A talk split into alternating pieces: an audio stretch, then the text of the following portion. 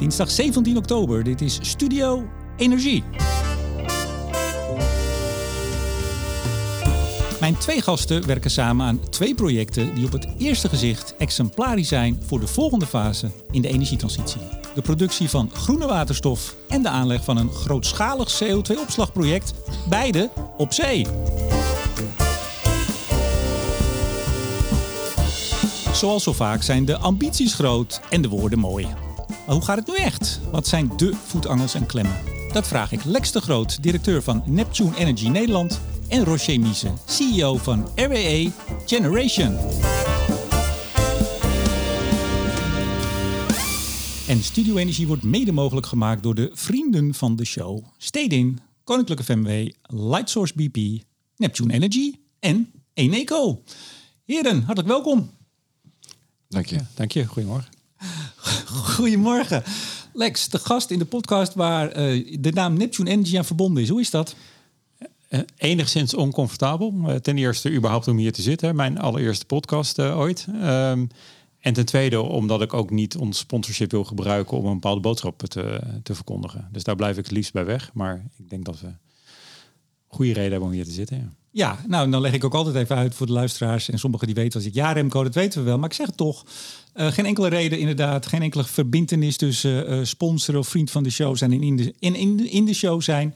Jullie doen interessante dingen. Al een aantal jaren heb ik jullie, had ik jullie ook al op het netvlies. Voordat wij vrienden waren, om het zo te zeggen. Uh, waterstof op zee maken. Wie verzint het? Nou ja, jullie. Daar gaan we het over hebben, onder andere. Um, en toen dacht ik, nou, dat was al begin dit jaar. De afspraak is een paar keer verzet om allerlei redenen. Um, uh, dat moeten we een keer doen. En toen zeiden jullie, en dan kijk ik naar die andere meneer, Roger Miese. Nou, dan moeten we eigenlijk ook onze partner RWE erbij doen. Welkom. Dank je. 2000, gedaan. Ja, 2018 uh, uh, zat ik ook een keer tegenover je, we tutoyeren, uh, in Essen. Waar, waar hadden we het toen ook weer over? Ja, CO2 minimumprijs of zo. Ja, dat was verschrikkelijk hè, dat die ingevoerd ging worden. Ja, dat is nog steeds verschrikkelijk. Ja? Ja, ja. ja. Kijk, we hebben geluk. Hè. Het zijn altijd van die dingen. De, die, wet, die wet is er, CO2 minimumprijs. Zolang het goed gaat, dus eh, zolang als de CO2-prijs niet instort, dan denkt iedereen, zie je wel, er is toch helemaal geen probleem. Als de, maar als de prijs een keer zou instorten, dan wordt Nederland, de Nederlandse industrie wordt benadeeld ten opzichte van het buitenland. Mm -hmm.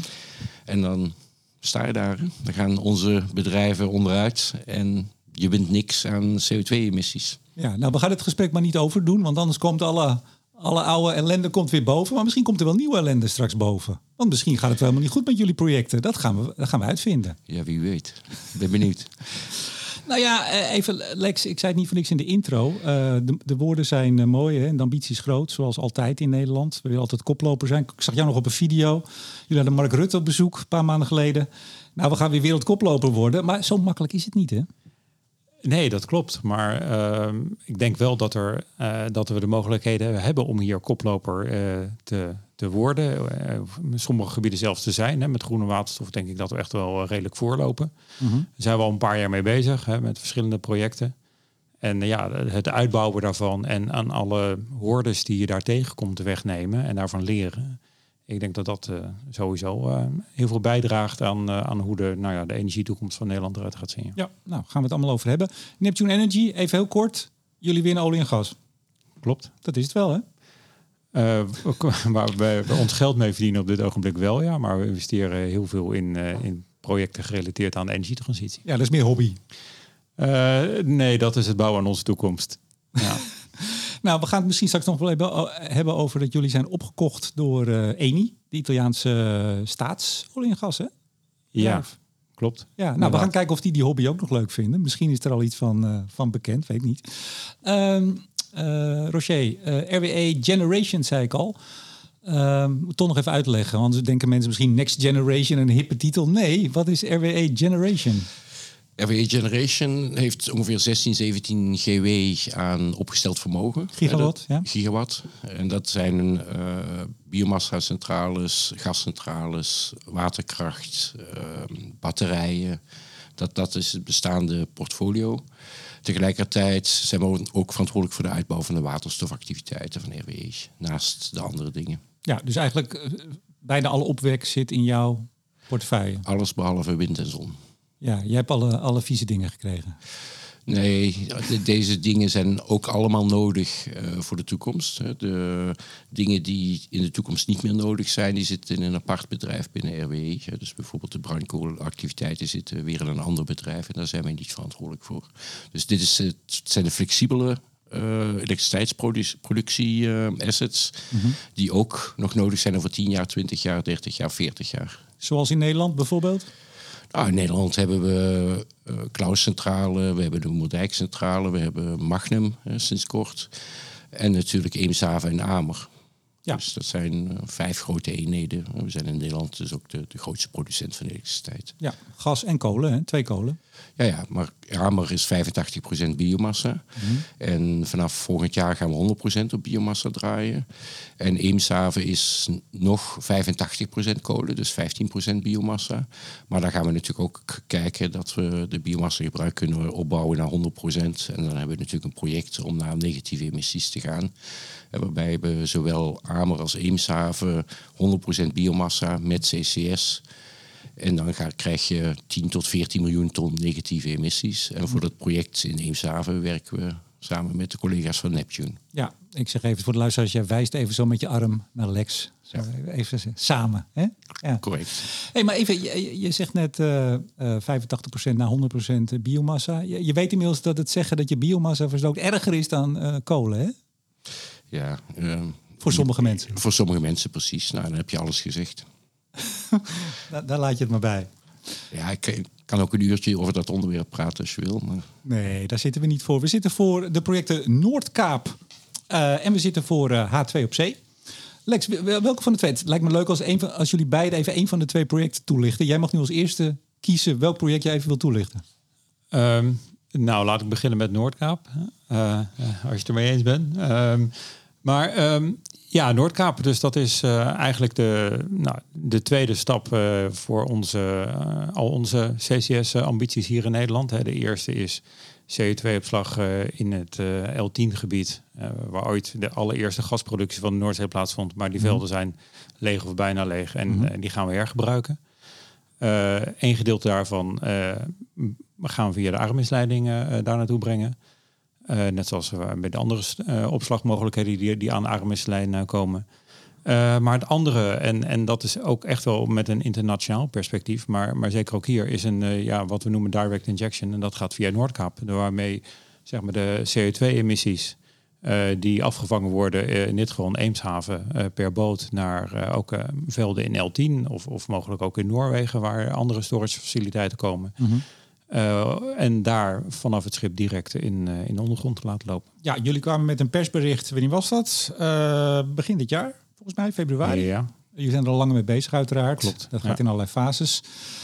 hoe heet het ook alweer? Een grensoverschrijdend, daar moet je ook mee uitkijken met dat woord, maar zo noemen jullie het. Een grensoverschrijdend CO2-transport- en opslagnetwerk uh, voor Europese emittenten. Ja. Dus de industrie in heel Europa kan het uh, bij jullie kwijt. Is, is het idee, hè? Dat is het idee, inderdaad, ja. Uh, je zei het al, zowel velden, lege gasvelden op zee in Nederland als in het Noorse deel van de Noordzee. Uh, nou, klant 1 uh, zit hier, daar komen we straks, RWE, die de, de, de uitstoot van de straks 100%, wordt het ook 100%? Ja, zei 100% ook in Eemshaven, hè? Nou, negatieve emissies, uh, fantastisch. Even één klein stapje terug. Jullie waren inderdaad al bezig, al een jaar of drie geleden zelfs, met... Uh, jullie onderzochten toen, moet even op mijn briefje kijken, de mogelijkheid van CO2-opslag in de Noordzee. Dat zal L10 zijn dan, hè? Klopt, ja. ja.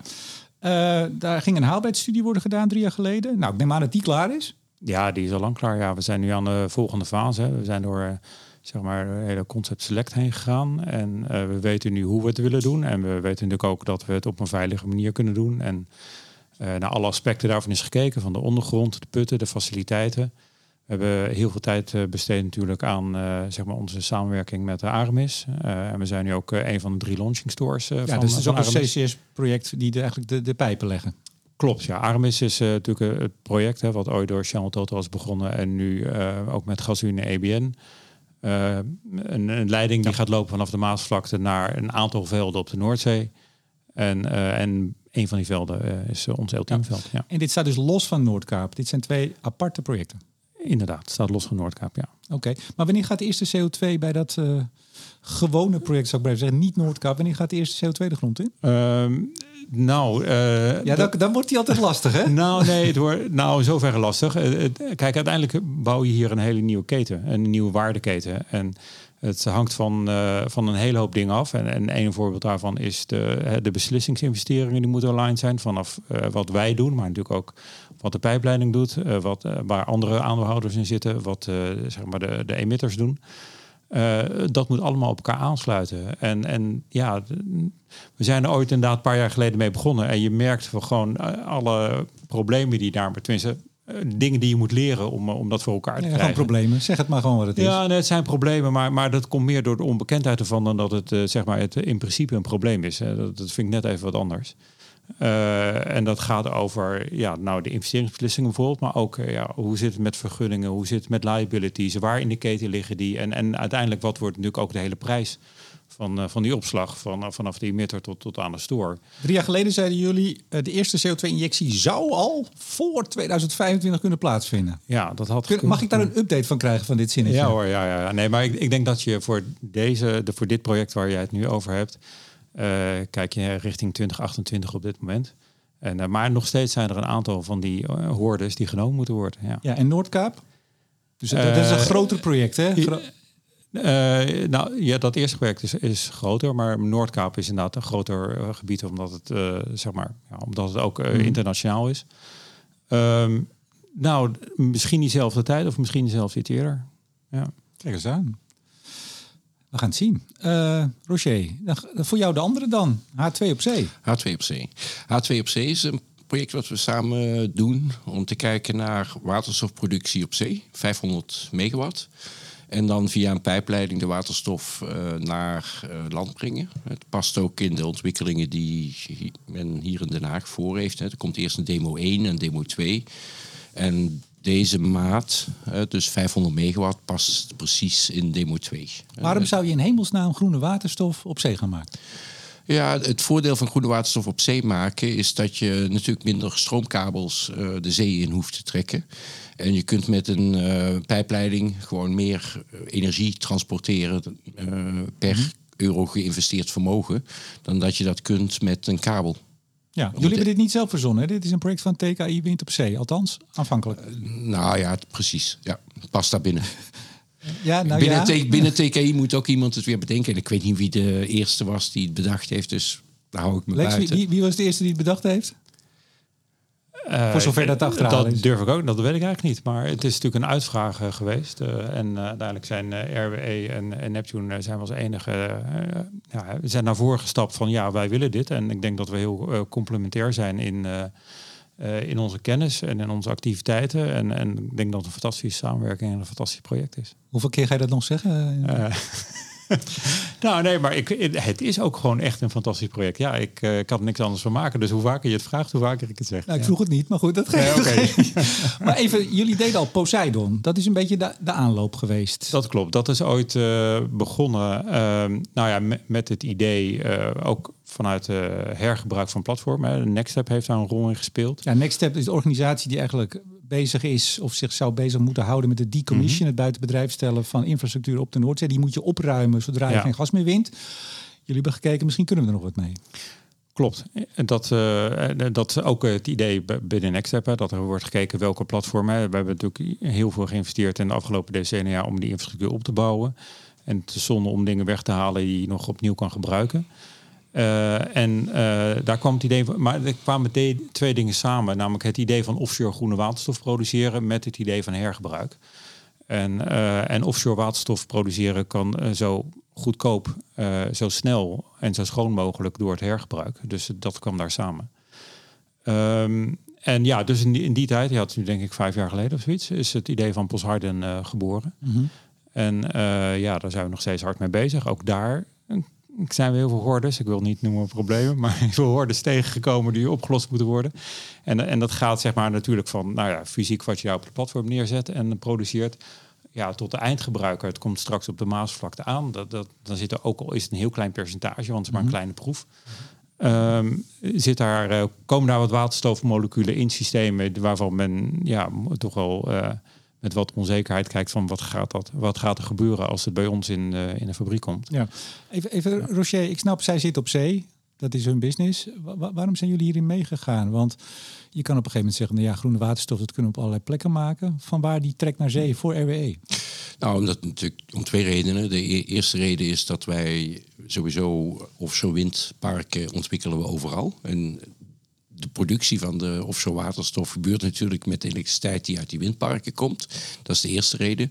De tweede reden is omdat we sowieso willen expanderen in groene waterstof. En nou, als je zowel offshore wind doet als uh, waterstof, dan is dit perfect. Ja, ik moet zeggen, en ik leg, ik leg dat even op tafel, mijn eigen uh, uh, ambivalentie met dit soort projecten. Laat, lijkt me goed om dat even uh, neer te leggen.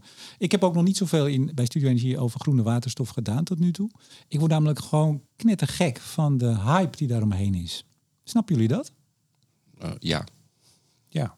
Dat kan ik me heel goed voorstellen, ja. ja. Maar bijvoorbeeld, ik weet niet of jullie al een, eh, een, eh, een, een waterstofmedaille hebben gekregen. Want die worden geloof ik sinds kort uh, bij de Vleet worden die, worden, die uitgereikt. links en rechts. Ik wil niet, jullie zullen vast ook in missie H2 of H2 missie zitten. dat is dat vehikel waarbij Olympische sporters iemand verrassen met een...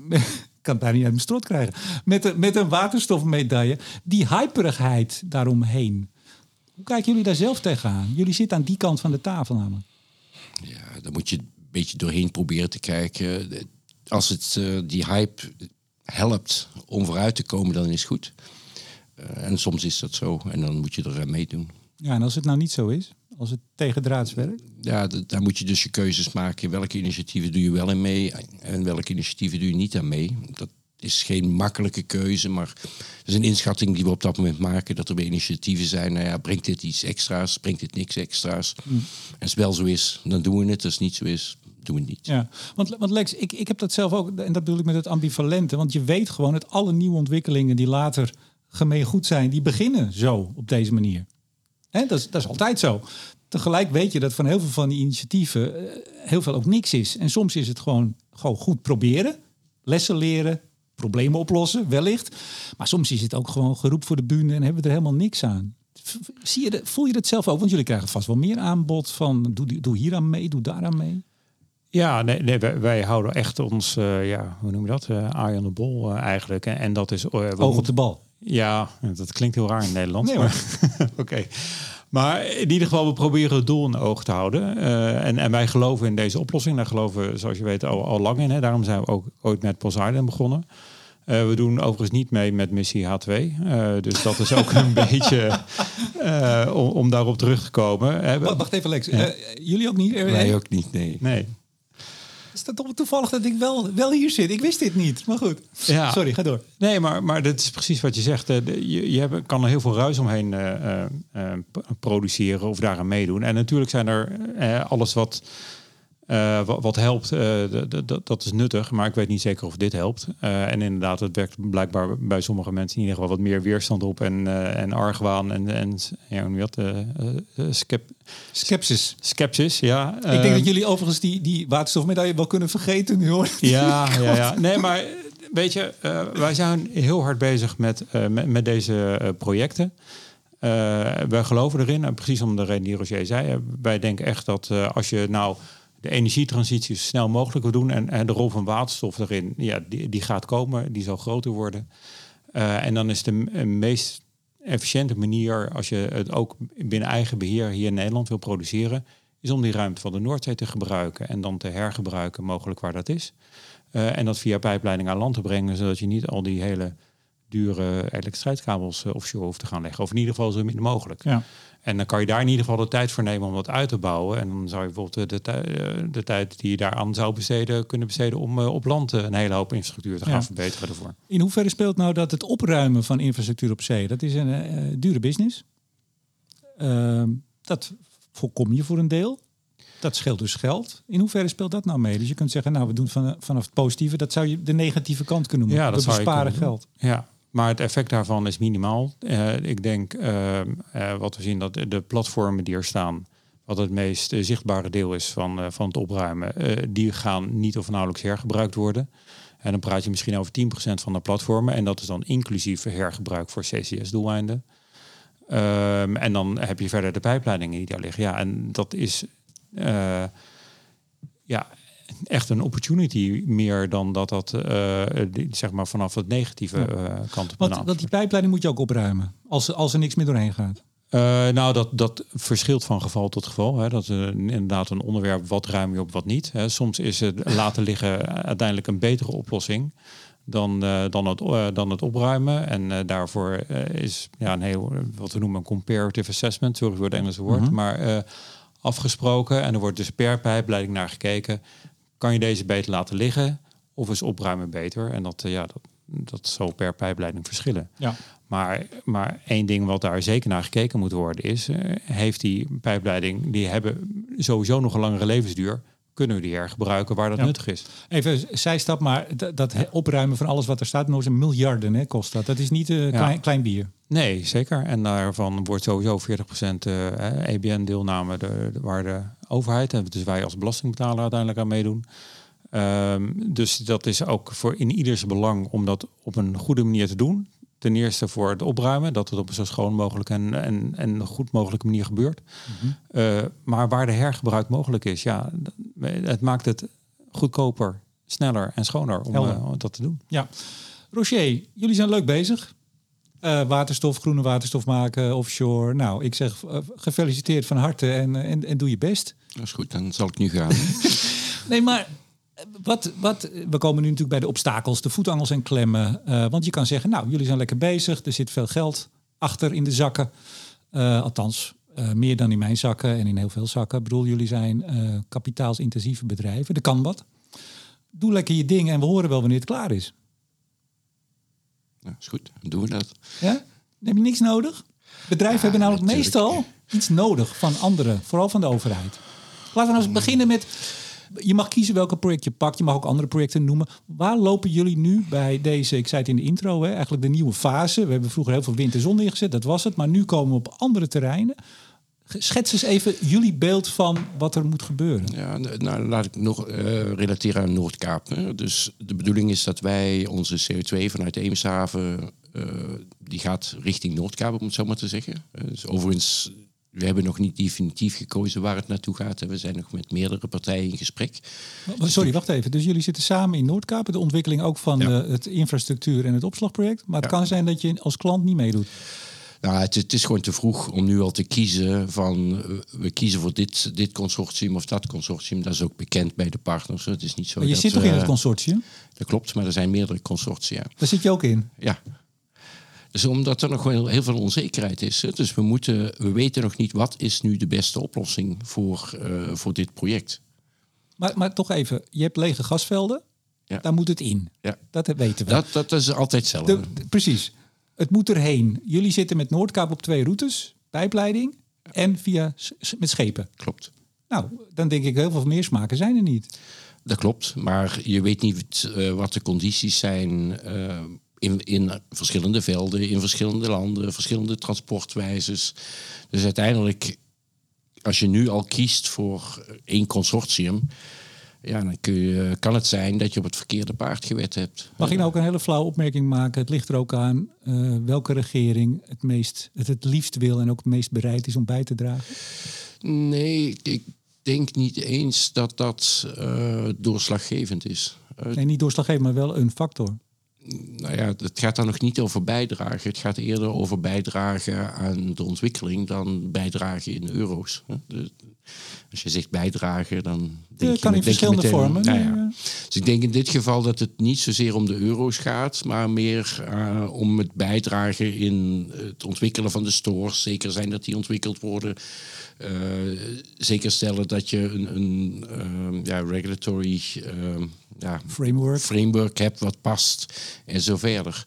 als je kijkt naar Eemshaven, als we alleen Eemshaven zal ongeveer 8 of 9 miljoen ton uh, CO2 uh, emitteren wat we dan kunnen opslaan. Uh, maar daar hebben we natuurlijk op zich een business case voor nodig. En het belangrijk bijvoorbeeld is, wat is de waarde van je negatieve emissies? Negatieve emissies is iets nieuw. Iedereen is het erover eens. Hè? IPPC, IEA, Brussel ook. Negatieve emissies richting 2040 moet dat uitgebouwd worden. Alleen we weten nog niet wat de waarde van die negatieve emissies is. Er is wel een markt, maar die markt is heel ondiep, zoals we dan zeggen. Dat wil zeggen, als wij nu met 8 of 9 miljoen ton aankomen, dan stort waarschijnlijk de hele markt in elkaar voor negatieve emissies. Er is ook nog geen vastgestelde certificeringsmethode voor negatieve emissies, dus die moeten ook nog ontwikkeld worden. Dat zijn allemaal dingen die, die nog mm, vloeibaar zijn. Mhm. Eh, nou, om een ander onderwerp te noemen, de criteria waar de biomassa aan moet voldoen. Ik wou is ook nog, ook nog een punt waar wat in ontwikkeling is. Niet wat we daar, hoe moet ik dat zeggen, zenuwachtig over zijn, maar we hebben wel stabiliteit nodig. dus we moeten wel op een gegeven moment weten, oké, dit zijn de criteria, daar moet je aan voldoen. En dan zorgen we ervoor dat de biomassa die komt ook aan die criteria voldoet. Oh, maar we, we, hebben toch bij het energieakkoord in 2013 hebben we die criteria, of althans daarna hebben jullie samen met de NGO's eh, criteria opgesteld. Volgens mij wordt er tot op de dag van vandaag over gebakkeleid. Klopt dat? Nee, op, op dit moment gebeurt er niks. Hè, want, er zijn uh, rechtszaken geweest en arbitrage. Nee, nee, ja, die arbitrage hebben we altijd gewonnen. Omdat wij altijd gedaan hebben wat we gezegd hebben dat we zouden doen. Maar de NGO's zijn inmiddels uit het convenant gestapt. Hè, dus, eh, maar we gaan gewoon verder met het implementeren van de maatregelen die daar staan. Maar wat natuurlijk de betere oplossing zou zijn, is als Europa gewoon een eenduidig framework uh, vastlegt. Er is een Europees framework, maar de Nederlandse eisen gaan daar weer bovenuit. Die Nederlandse eisen hebben ook geen probleem. Maar we moeten wel weten waar we aan toe zijn richting de toekomst. Ja, Lex, even uh, Nederlandse eisen. Nou, de, daar weten we van dat uh, Nederland graag voorop zegt te willen lopen. Um, even over als het gaat over CO2-opslag. Um, ehm, Noordkaap uh, kijkt ook naar Noorwegen. Jullie zijn ook actief daar hè, als Neptune? Klopt. Ja. Maar, maar, bijvoorbeeld als het gaat over CO2-opslag, het uh, bekende Northern Lights project. Uh, misschien dat luisteraars er wel eens iets van gehoord hebben. We hebben hier een podcast gehad ook. Ik ben toen naar, uh, naar Oslo gegaan. De Noorden, de Noorse overheid, nou als ik zeg die zijn fan, dan zeg ik het nog mild, denk ik.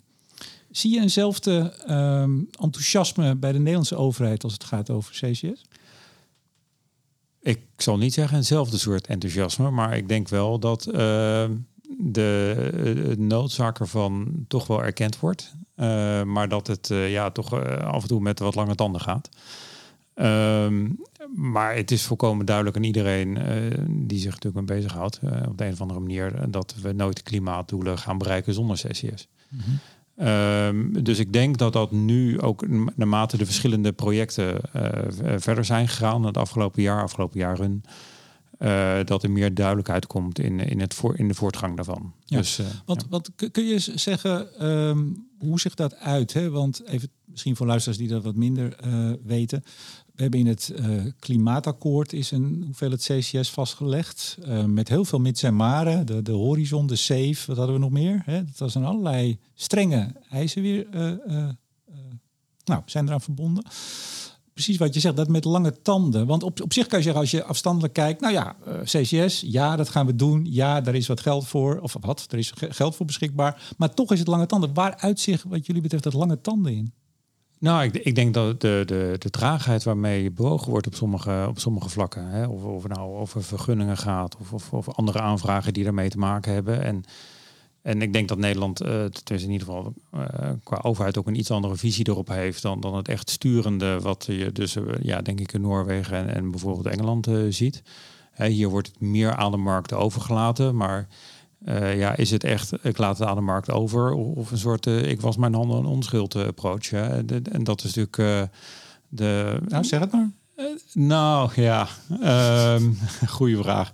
Nou, ik, ik, ik, denk dat, mijn, dat, dat Nederland wat, wat langzaam is geweest om, om echt die noodzaak zo te erkennen dat het ook leidt tot concrete stappen die het mogelijk maakt. En, en ik denk dat daar nu wel, dat we nu wel op dat punt zijn. En uh, dat nu meer de neus in dezelfde richting staat om het voor elkaar te krijgen. Mm. Uh, Rocher, wij hebben ook wel eens gesproken, en je hebt je wel eens geuit in de media ook luidruchtig over ander uh, overheidsbeleid. waarbij het niet meer zo zeer ging over aan de markt overlaat, namelijk de sluiting, of althans het verbod op het gebruiken van steenkool in kolencentrales. volgens mij heb je het wel eens deels onteigening genoemd. Jullie zijn, hebben ook daar zaken aangespannen toen. Hè? hoe staat het er eigenlijk mee? Ook iets van een soort uh, tribunaal, hof? Nee, hoe heet dat? Arbitrage. Arbitrage, pardon. En een rechtszaak, dacht ik, alle twee? Ja, klopt. Wat loopt er nog? Uh, beide, beide lopen nog. De um, arbitrage, daar is de Nederlandse overheid een beetje misschien te gedetailleerd naar de Duitse rechter gestapt. En daar hebben ze met ondersteuning van de EU gelijk gekregen. De Duitse rechter heeft gezegd dat uh, dit alleen binnen Europa voor de rechtbank gebracht kan worden en niet in Washington voor arbitrage. Mm -hmm. nou, we moeten nog kijken hoe we daarmee mee omgaan met die uitspraak van de Duitse rechter. Voor wat betreft de Nederlandse rechtszaak, eh, in eerste aanleg hier in Den Haag, hebben we die zaak verloren en we zijn nu in hoger beroep gegaan. Hm. Laat ik zo zeggen, RWE uh, heeft ervaring met de Nederlandse overheid als het gaat over uh, aan de ene kant aan de markt dingen overlaten, een ETS invoeren in Europa, waarbij ze, nou, kijk maar bedrijf hoe je je eraan voldoet, als je maar rechten hebt of iets anders, maar dan toch ingrijpen op, op allerlei vlakken. Toch staan jullie nu weer vooraan in allerlei nieuwe ontwikkelingen. Hoe moet ik dat met elkaar rijmen? Nou ja, ik, ik denk dat je moet, dingen stuk voor stuk moet nemen. Uh, kijk, neem bijvoorbeeld uh, offshore wind, hè, waar we HKW uh, tender gewonnen hebben. De inschatting Hollandse is... kust Zuid. Hollandse kust West. HK, oh, HKW zei sorry. HKW, ja, HKW. Ja. West, waar we die tender gewonnen hebben. Nou, daar denken we dat de kans dat de overheid daar op een laat ik zeggen, vreemde manier gaat ingrijpen, dat die heel klein is. Dus wat dat betreft hebben we daar uh, vertrouwen in. Maar als we dan kijken naar uh, bijvoorbeeld BEX, ik heb dat ook al vaker gezegd, daar gaan we natuurlijk geen investeringsbesluit nemen zonder dat ik iets met een handtekening van de overheid heb. Ik vind het zo vervelend om je steeds te onderbreken, maar BEX, zeg even wat dat is. Dat is biomas met CCS. Hè? Dus ja? uh, bijvoorbeeld mm -hmm. het project samen ja? met, uh, met Neptune. Mm -hmm. um, daar zullen we eerst uh, een overeenkomst moeten hebben met de overheid die minimaal zegt dat ze ons niet twee, drie, twee, vijf of tien jaar later een mes in de rug geven. Dit zijn investeringen van miljarden. En die gaan we op dat, wat dat betreft natuurlijk niet, niet doen zonder uh, dat we zeker zijn dat de overheid uh, dat ondersteunt. Maar de, de Noorden, het Northern Lights project, maar sowieso de Noorden, die staan klaar. Die roepen al een paar jaar, kom, kom hier met je, uh, tegen Europa, tegen industriële uitstoters. Kom hier met je uitstoot, wij slaan het hier op. Waarom dan toch, waarom gewoon niet naar Northern Lights gestapt? Waarom dan weer zelf toch in meerdere consortia om te kijken of... Nou, gewoon, nou, kijk, Northern Lights klinkt, uh, al, is, klinkt goed, is goed. Alleen Northern Lights is ook vrij ver weg. Uh, het zou zonder leiding zou het dan met, met schepen moeten. Uh, je moet ook nog afwachten welke prijzen of je krijgt bij Northern Lights. We moeten elkaar ja, niks wijs maken, maar prijs is ook een belangrijk issue. Dus nou, we willen zeker weten wat we krijgen voordat we ergens een handtekening onderzetten. Prijs, dus vooral ook. Ja, totaal. Het gaat over de hele keten. Uh, het gaat niet alleen over de prijs van de storage, maar het gaat over uh, de prijs tussen uh, het moment dat de CO2 ons terrein verlaat en, en de store. Ja, daar komen we misschien zo nog even op. Lex, even over prijs van groene waterstof maken. Dat gaan jullie doen. Ja. Toch? We zijn bezig met projecten die dat gaan doen, dat klopt. Ja. Nou, ik ben benieuwd. Wat kost, kost dat nou?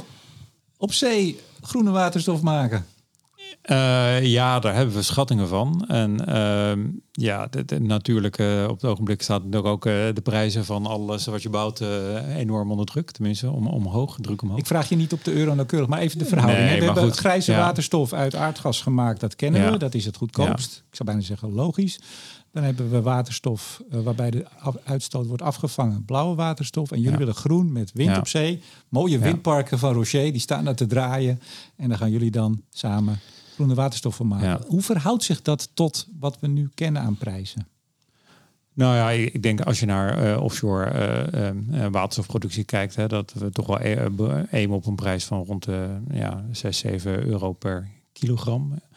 En dat uh, en hopelijk lager, maar het hangt van schaal af. Het hangt natuurlijk ook inderdaad vanaf, uh, kan ik een leiding hergebruiken of moet ik een nieuwe installeren? Er zijn nog steeds verschillende concepten die we, die we daarvoor evalueren en daarmee zijn we aan de slag. Maar we denken zeker als je het vergelijkt natuurlijk ook met waterstof die verderop in, in andere landen, op andere plekken in de wereld gemaakt wordt, waar vervoer en, en, en het verlies wat daarbij gerealiseerd wordt, gemaakt wordt, dat het competitief kan zijn. Maar 6, 7 euro per kilogram. Mm help mij even met de, de actuele prijzen. Maar ik heb altijd in mijn hoofd zitten grijs 1, 1,5 euro. Ja, maar grijs, ja, grijs zonder CCS dan. Ja, ja, ja. Dan blauw. Dan zitten we op de 2. Uh, ik, ik, weet niet precies. Maar Roger, je mag meedoen hoor. 2, 2,5 ja. ongeveer. En groen? Groen op land? Uh, kan ik je niet echt een antwoord op geven, weet ik niet. Maar, uh. Het is ook nog een groot vraagteken. De, uh, ik dacht drie. Nee, nooit. Never, nooit niet. Nee? Nee. Meer? Nee, het is maar meer... geen 6, 7? Jawel. Serieus? Ja. Laat ik het zo zeggen. Tussen, tussen groene waterstof op zee maken en op land, zeggen jullie, is dat gelijk? Ja, kijk, als je begint met de demo 1 en demo 2 en ook ons eh, project H2 op zee, dat zal zeer waarschijnlijk wel duurder zijn dan uh, groene waterstof op land. Maar dat is logisch, het heet niet voor niks uh, demo. Uh, de bedoeling is dat je op termijn natuurlijk offshore groene waterstof kunt produceren die, die goedkoper is, of in ieder geval concurrerend met groene waterstof die op land geproduceerd wordt. Hm. Anders moet je er niet aan beginnen. Ja. Maar ja, op land in Nederland hebben we het dan over. Want als jij ergens in Afrika of, of al is het maar in Spanje uh, zonneparken doet, dan heb je het natuurlijk over een ander prijskaartje. Het is, het is duur hier. Zullen we, kunnen we dat zeggen? Ja, maar dat, inclusief transport valt dat wel mee. Dus als je de, de transport van waterstof hier naartoe uh, en dan vervolgens ook weer terug omzet in waterstof, hè, want transport gebeurt met ammonia, dan moet je zorgen dat je waterstof die je hier produceert, groene waterstof, dat die concurrerend kan zijn. En ik denk dat dat ook lukt. Ja. Dat, dan moeten we concurrerend zijn met waterstof uit Spanje of uit de Verenigde Staten of uit Namibië, Oman of welke ja. andere landen dan ook. E-, e-, even Lex, net, net hadden we het eigenlijk over het, uh, het, het, het, regelkader wat, er, wat je van de overheid nodig hebt. Hè? En je hebt ook enthousiasme nodig. Geen lange tanden heb ik uh, geleerd, zeker. Um, maar toch even, als je op 6, 7 euro zit ten opzichte van uh, misschien 1,5 voor, voor grijze waterstof. Wat hebben jullie op dat vlak nodig? Of heb je niks nodig? Jawel, ik, ik denk dat de waterstofproductie op zee of de hele waterstofeconomie niet, niet zal beginnen zonder, zonder steun van de overheid. Dus uh, kijk, wij hebben ooit samen met RW natuurlijk voor H2OPC een aanvraag gedaan bij het Nationaal Groeifonds. Die is helaas afgewezen. toch zijn we daarmee doorgegaan. Hè. We blijven erin investeren omdat we erin geloven. Maar uiteindelijk voor het realiseren daarvan zal daar steun van, van de overheid voor nodig zijn om om, eh, kijk, het is natuurlijk het eerste project, of in ieder geval zeker een van de eerste projecten meer in Nederland, het eerste project wat op die schaal op zee waterstof wil gaan maken. Uh, uiteindelijk je voordeel is straks dat je een begin hebt en dat je daarop kan groeien, dat je de schaalvergroting krijgt en dat zal die prijs nog verder gaan drukken zonder twijfel. Um, maar die eerste stap is, is de zwaarste uiteindelijk. En, um, het feit dat het groeifonds dan zegt, nou nee, dit zien wij niet als iets voor een toekomstig Nou, maar dat is niet wat ze zeiden. Oh, wat zeiden ze dan? uh, nou, nee, dat had meer de, de onzekerheid van het ontwikkelen... hoe, hoe de overheid uh, groene waterstof op zee uh, uit wil gaan rollen. Die onzekerheid die daar speelde, dat was voor het Nationaal Groeifonds meer aanleiding... om daar nu niet in te investeren. Omdat dat nog onduidelijk is tenminste toen de tijd was. Ja. Maar toch even, ik zag een video uh, met, met uh, premier Rutte die kwam, uh, sportief in zijn, in zijn sportieve kleding en die, die was enthousiast. Althans, dat kon ik zien alleen al in de beelden. Ik hoorde ja. hem niet praten, ik hoorde jou praten, maar ik zag hem. En die komt kijken en die trekt zijn windjack aan en op pad. En fantastisch. Ik kan me helemaal voorstellen wat hij zei. Dat hij het fantastisch vindt. gaaf wat jullie aan het doen zijn. Maar dan kom je toch voor een stukje financiën, zeg ik dan maar. -hmm. En dan zegt het Nationaal Groeifonds, wat er toch is met, wat is het, 30 miljard, om te zorgen dat er geïnvesteerd wordt in zaken die het nu nog moeilijk hebben, die zegt nee, nee. Lex, gaan we niet doen. Dat moet toch, ja, ik wil je niet de put in praten, maar het lijkt me niet dat, dat hier de, de slingers uitgingen toen de beslissing kwam. Nee, dat was uh, een teleurstelling op dat moment. Nogmaals, uh, wij geloven uh, allemaal hier bij RW natuurlijk in het project om dat voor elkaar te krijgen. En daarom gaan we er ook mee door. Maar je moet je niet door één kleine tegenslag tegen laten houden. we begrijpen de argumenten van het Nationaal Groeifonds destijds. wij denken dat er andere mogelijkheden zijn. nogmaals, die groene waterstof op zee. En je ziet het ook in Duitsland natuurlijk met het project wat ze daar hebben van Aquaventus. Om dat voor elkaar te krijgen. En ja, ik, wil niet, uh, ik zal de woorden gebruiken die ik ook bij Rutte had. En Nederland staat echt in pole position om dit voor elkaar te krijgen. Als het ergens kan gebeuren, dan is het hier in Nederland op basis van wat we al hebben, op basis van de kennis die we hier hebben, op basis van de mensen die we hebben en natuurlijk ook de markt die hier is uiteindelijk. Ja. En ik denk dat het voor Nederland belangrijk is, je kan natuurlijk heel erg fixeren op, op die prijs en dat is natuurlijk ook logisch, want uiteindelijk gaat het erom. Uh, maar ik denk dat voor Nederland ook nuttig is om uh, eigen productie te hebben, om de afhankelijkheid van het buitenland zo laag mogelijk te maken. Een beetje vergelijkbare argumenten uh, die we hebben voor gaswinningen op de Nederlandse Noordzee. -hmm. ja, de, we zien de wereld om ons heen. En ik denk dat het belangrijk is om in ieder geval voor een belangrijk gedeelte zelfvoorzienend te zijn. En die mogelijkheden zijn er. En de mogelijkheden zijn er ook om het competitief te doen. Ja, ik hoorde je inderdaad ook zeggen in die video dat we op pole position staan, maar je zei ook nog, we kunnen de race ook winnen. Ja. ik krijg er altijd een beetje ja, ik, ik, het, het, zal je geen verrassing zijn dat ik een Formule 1 uh, eh, fan ben, maar al, al heel lang, hè, ook uh, veel jaar voor Max Verstappen. Ik ben in de jaren 70 op Zandvoort naar races geweest, dat was mijn eerste ervaring. En sindsdien heeft hij me nooit meer losgelaten. Dus die terminologie die sluipt er een beetje in. Ja, geef het toe. Goed. Uh, Rocher, er was vrijdag bij Energia een artikel over een rapport van Aurora uh, ja, onderzoeksadviesbureau, onderzoek. Wat jullie mede hebben uh, betaald en gesponsord. Samen met, uh, help me even, Eneco, Engie, ik dacht er nog één. Tenet sowieso. Tenet, de Gasunie. Gasunie. Vergeet er één, ja. maakt niet uit. In ieder geval vier grote partijen met twee staatsbedrijven. En dat gaat over dat in 2035 wil Nederland eigenlijk een CO2-vrije elektriciteitsvoorziening. Mag er niks meer de lucht in. Uh, en jullie hebben studie laten doen. En daaruit blijkt dat uh, gascentrales omgebouwd kunnen worden naar waterstofcentrales. Maar dan moet en de ombouw gesubsidieerd worden en de waterstof die erin moet. Ja, Toen dacht ik, klopt. nou, dus daar komen ze weer. Handje ophouden. Ja, ja. Oké, okay, uh, even in perspectief plaatsen. als je naar de gascentrales kijkt, dan zal een deel van de gascentrales moet eigenlijk omgebouwd worden naar gascentrales met CCS.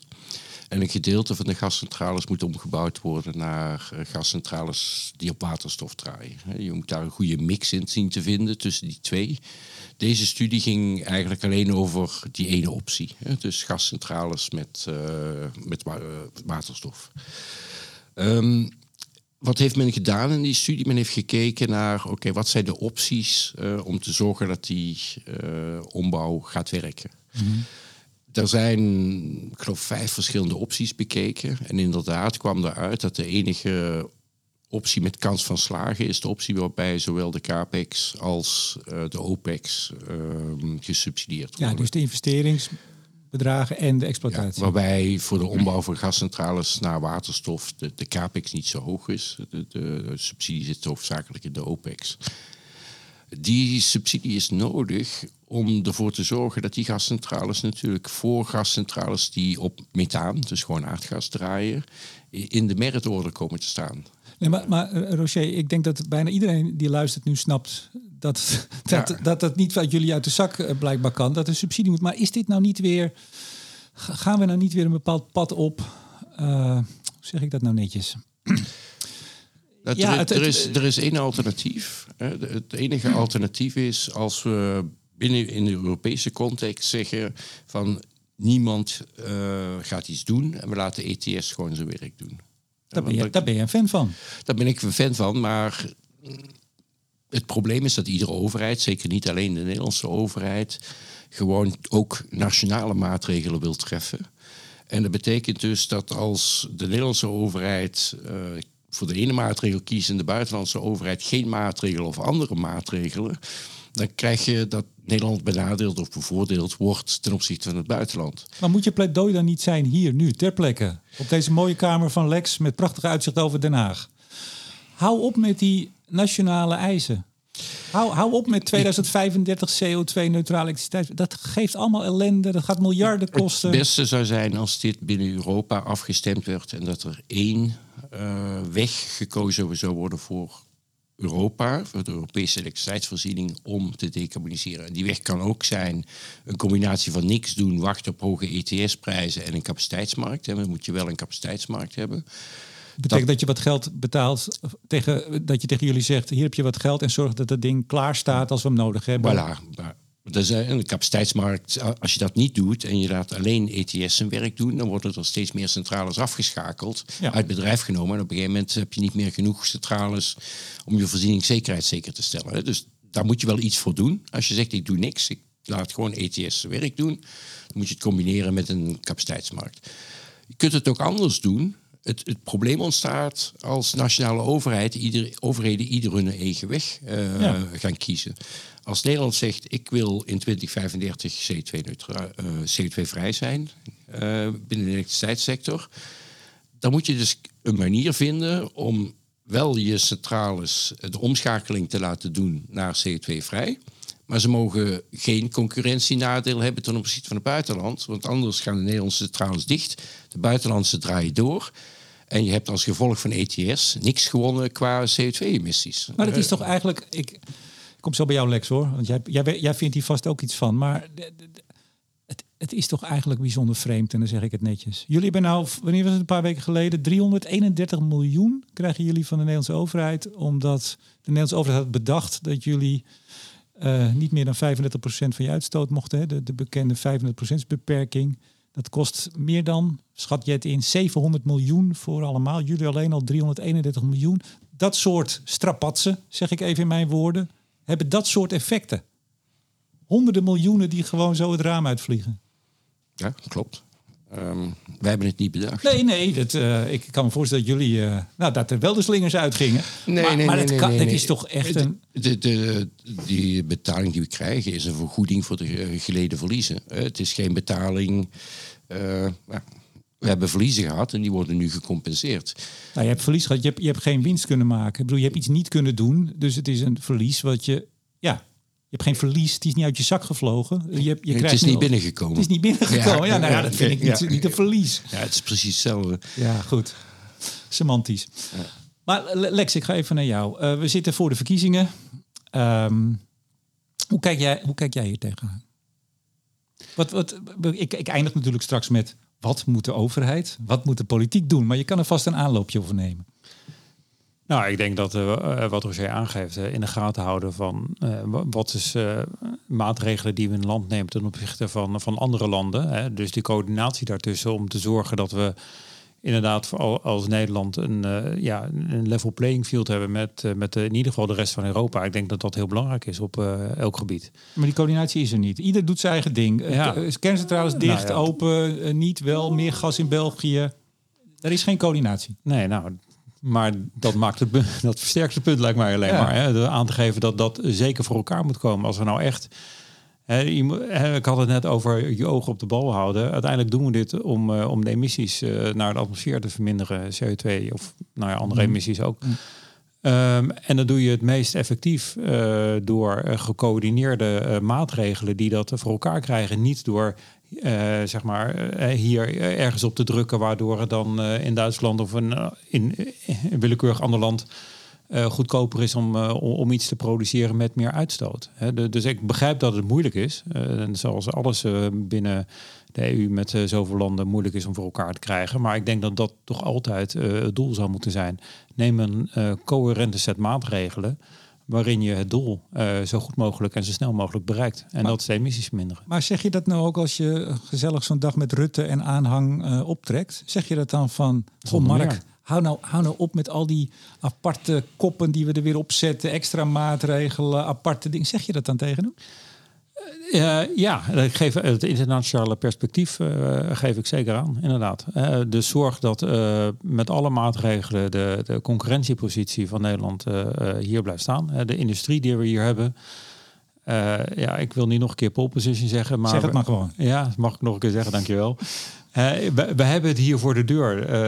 we hebben de, de, de emissies, hè, dat is, zou kunnen zeggen dat is niet goed, maar we hebben de mogelijkheden om die te verminderen. Uh, we hebben de mogelijkheden om het ondergronds op te slaan, zodat het niet aan, in de atmosfeer komt en het ligt hier voor de deur.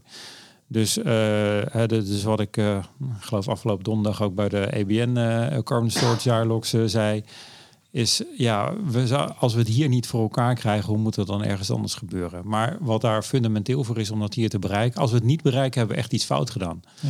En als, als Nederland, samen industrie en overheid samen hebben dan enorm fout gedaan.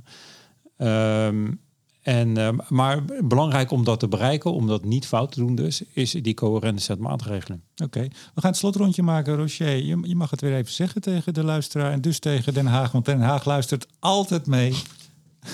Er komen verkiezingen. Nou, de, de programma's zijn, behalve omzicht geloof ik. Die heeft nog geen programma, maar de programma's zijn geschreven. Um, wat, wat moeten we doen? En wat moeten we laten? Dat mag ook.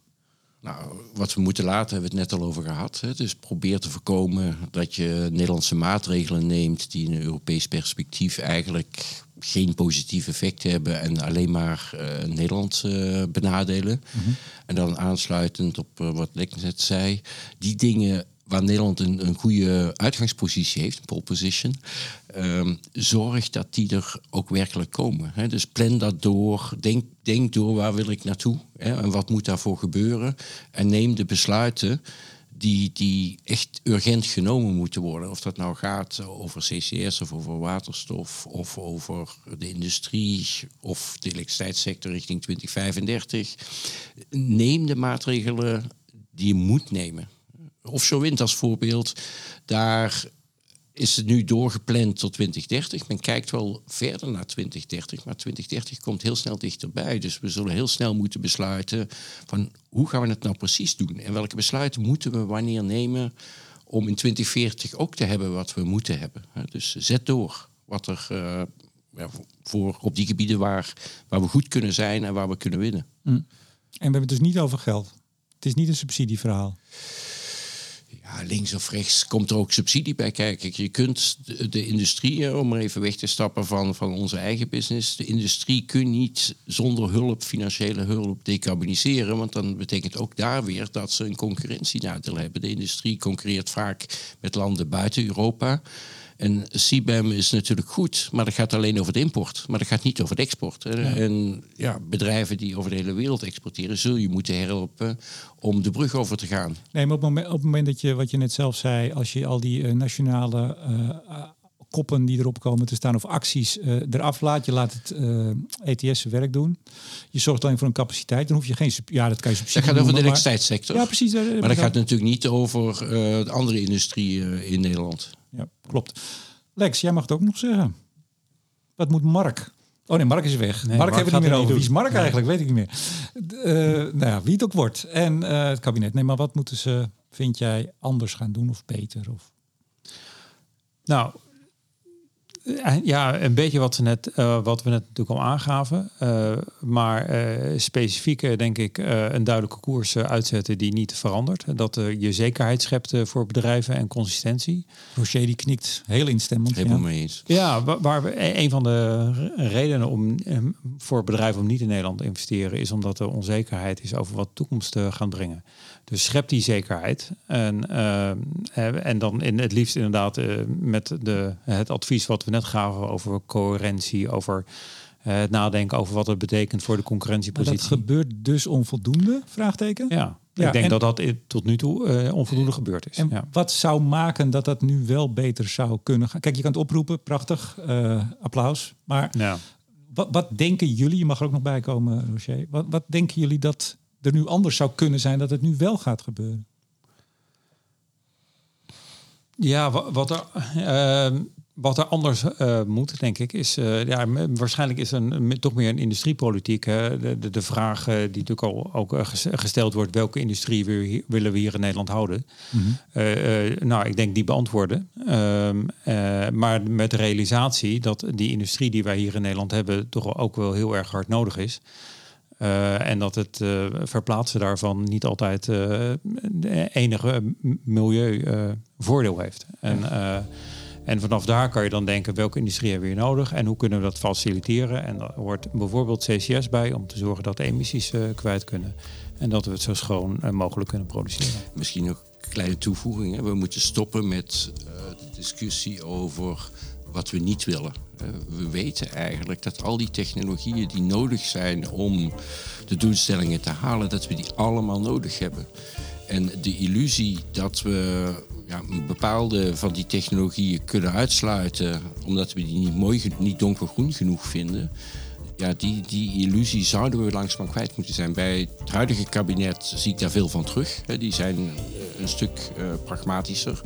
Maar we moeten zorgen dat we dat vasthouden en dan ook, daarna ook doorzetten. Want dat is ook een van de redenen waarom men altijd toch een beetje twijfelachtige houding ten opzichte van bijvoorbeeld CCS heeft. Men weet eigenlijk dat het nodig is. Uh, maar ja, vinden we het nou wel of niet donkergroen genoeg? Ja, luister, het is nodig om de doelstellingen te bereiken. Dus moeten we het gewoon doen. Punt. Nou, punt. Lex de Groot, Neptune Energy Nederland en Roger Mise van RWE en Nederland en Generation. Kijk eens aan. Hartelijk dank voor het gesprek. Graag gedaan. Graag gedaan. Ik dacht, ik wacht even of er nog wat terugkomt. En uiteraard bedank ik ook jullie beste luisteraars. En in het bijzonder alle vrienden van de show. Steding, Koninklijke FMW, Lightsource BP, Neptune Energy en Eneco. Mijn naam is Remco de Boer. Graag tot volgende week.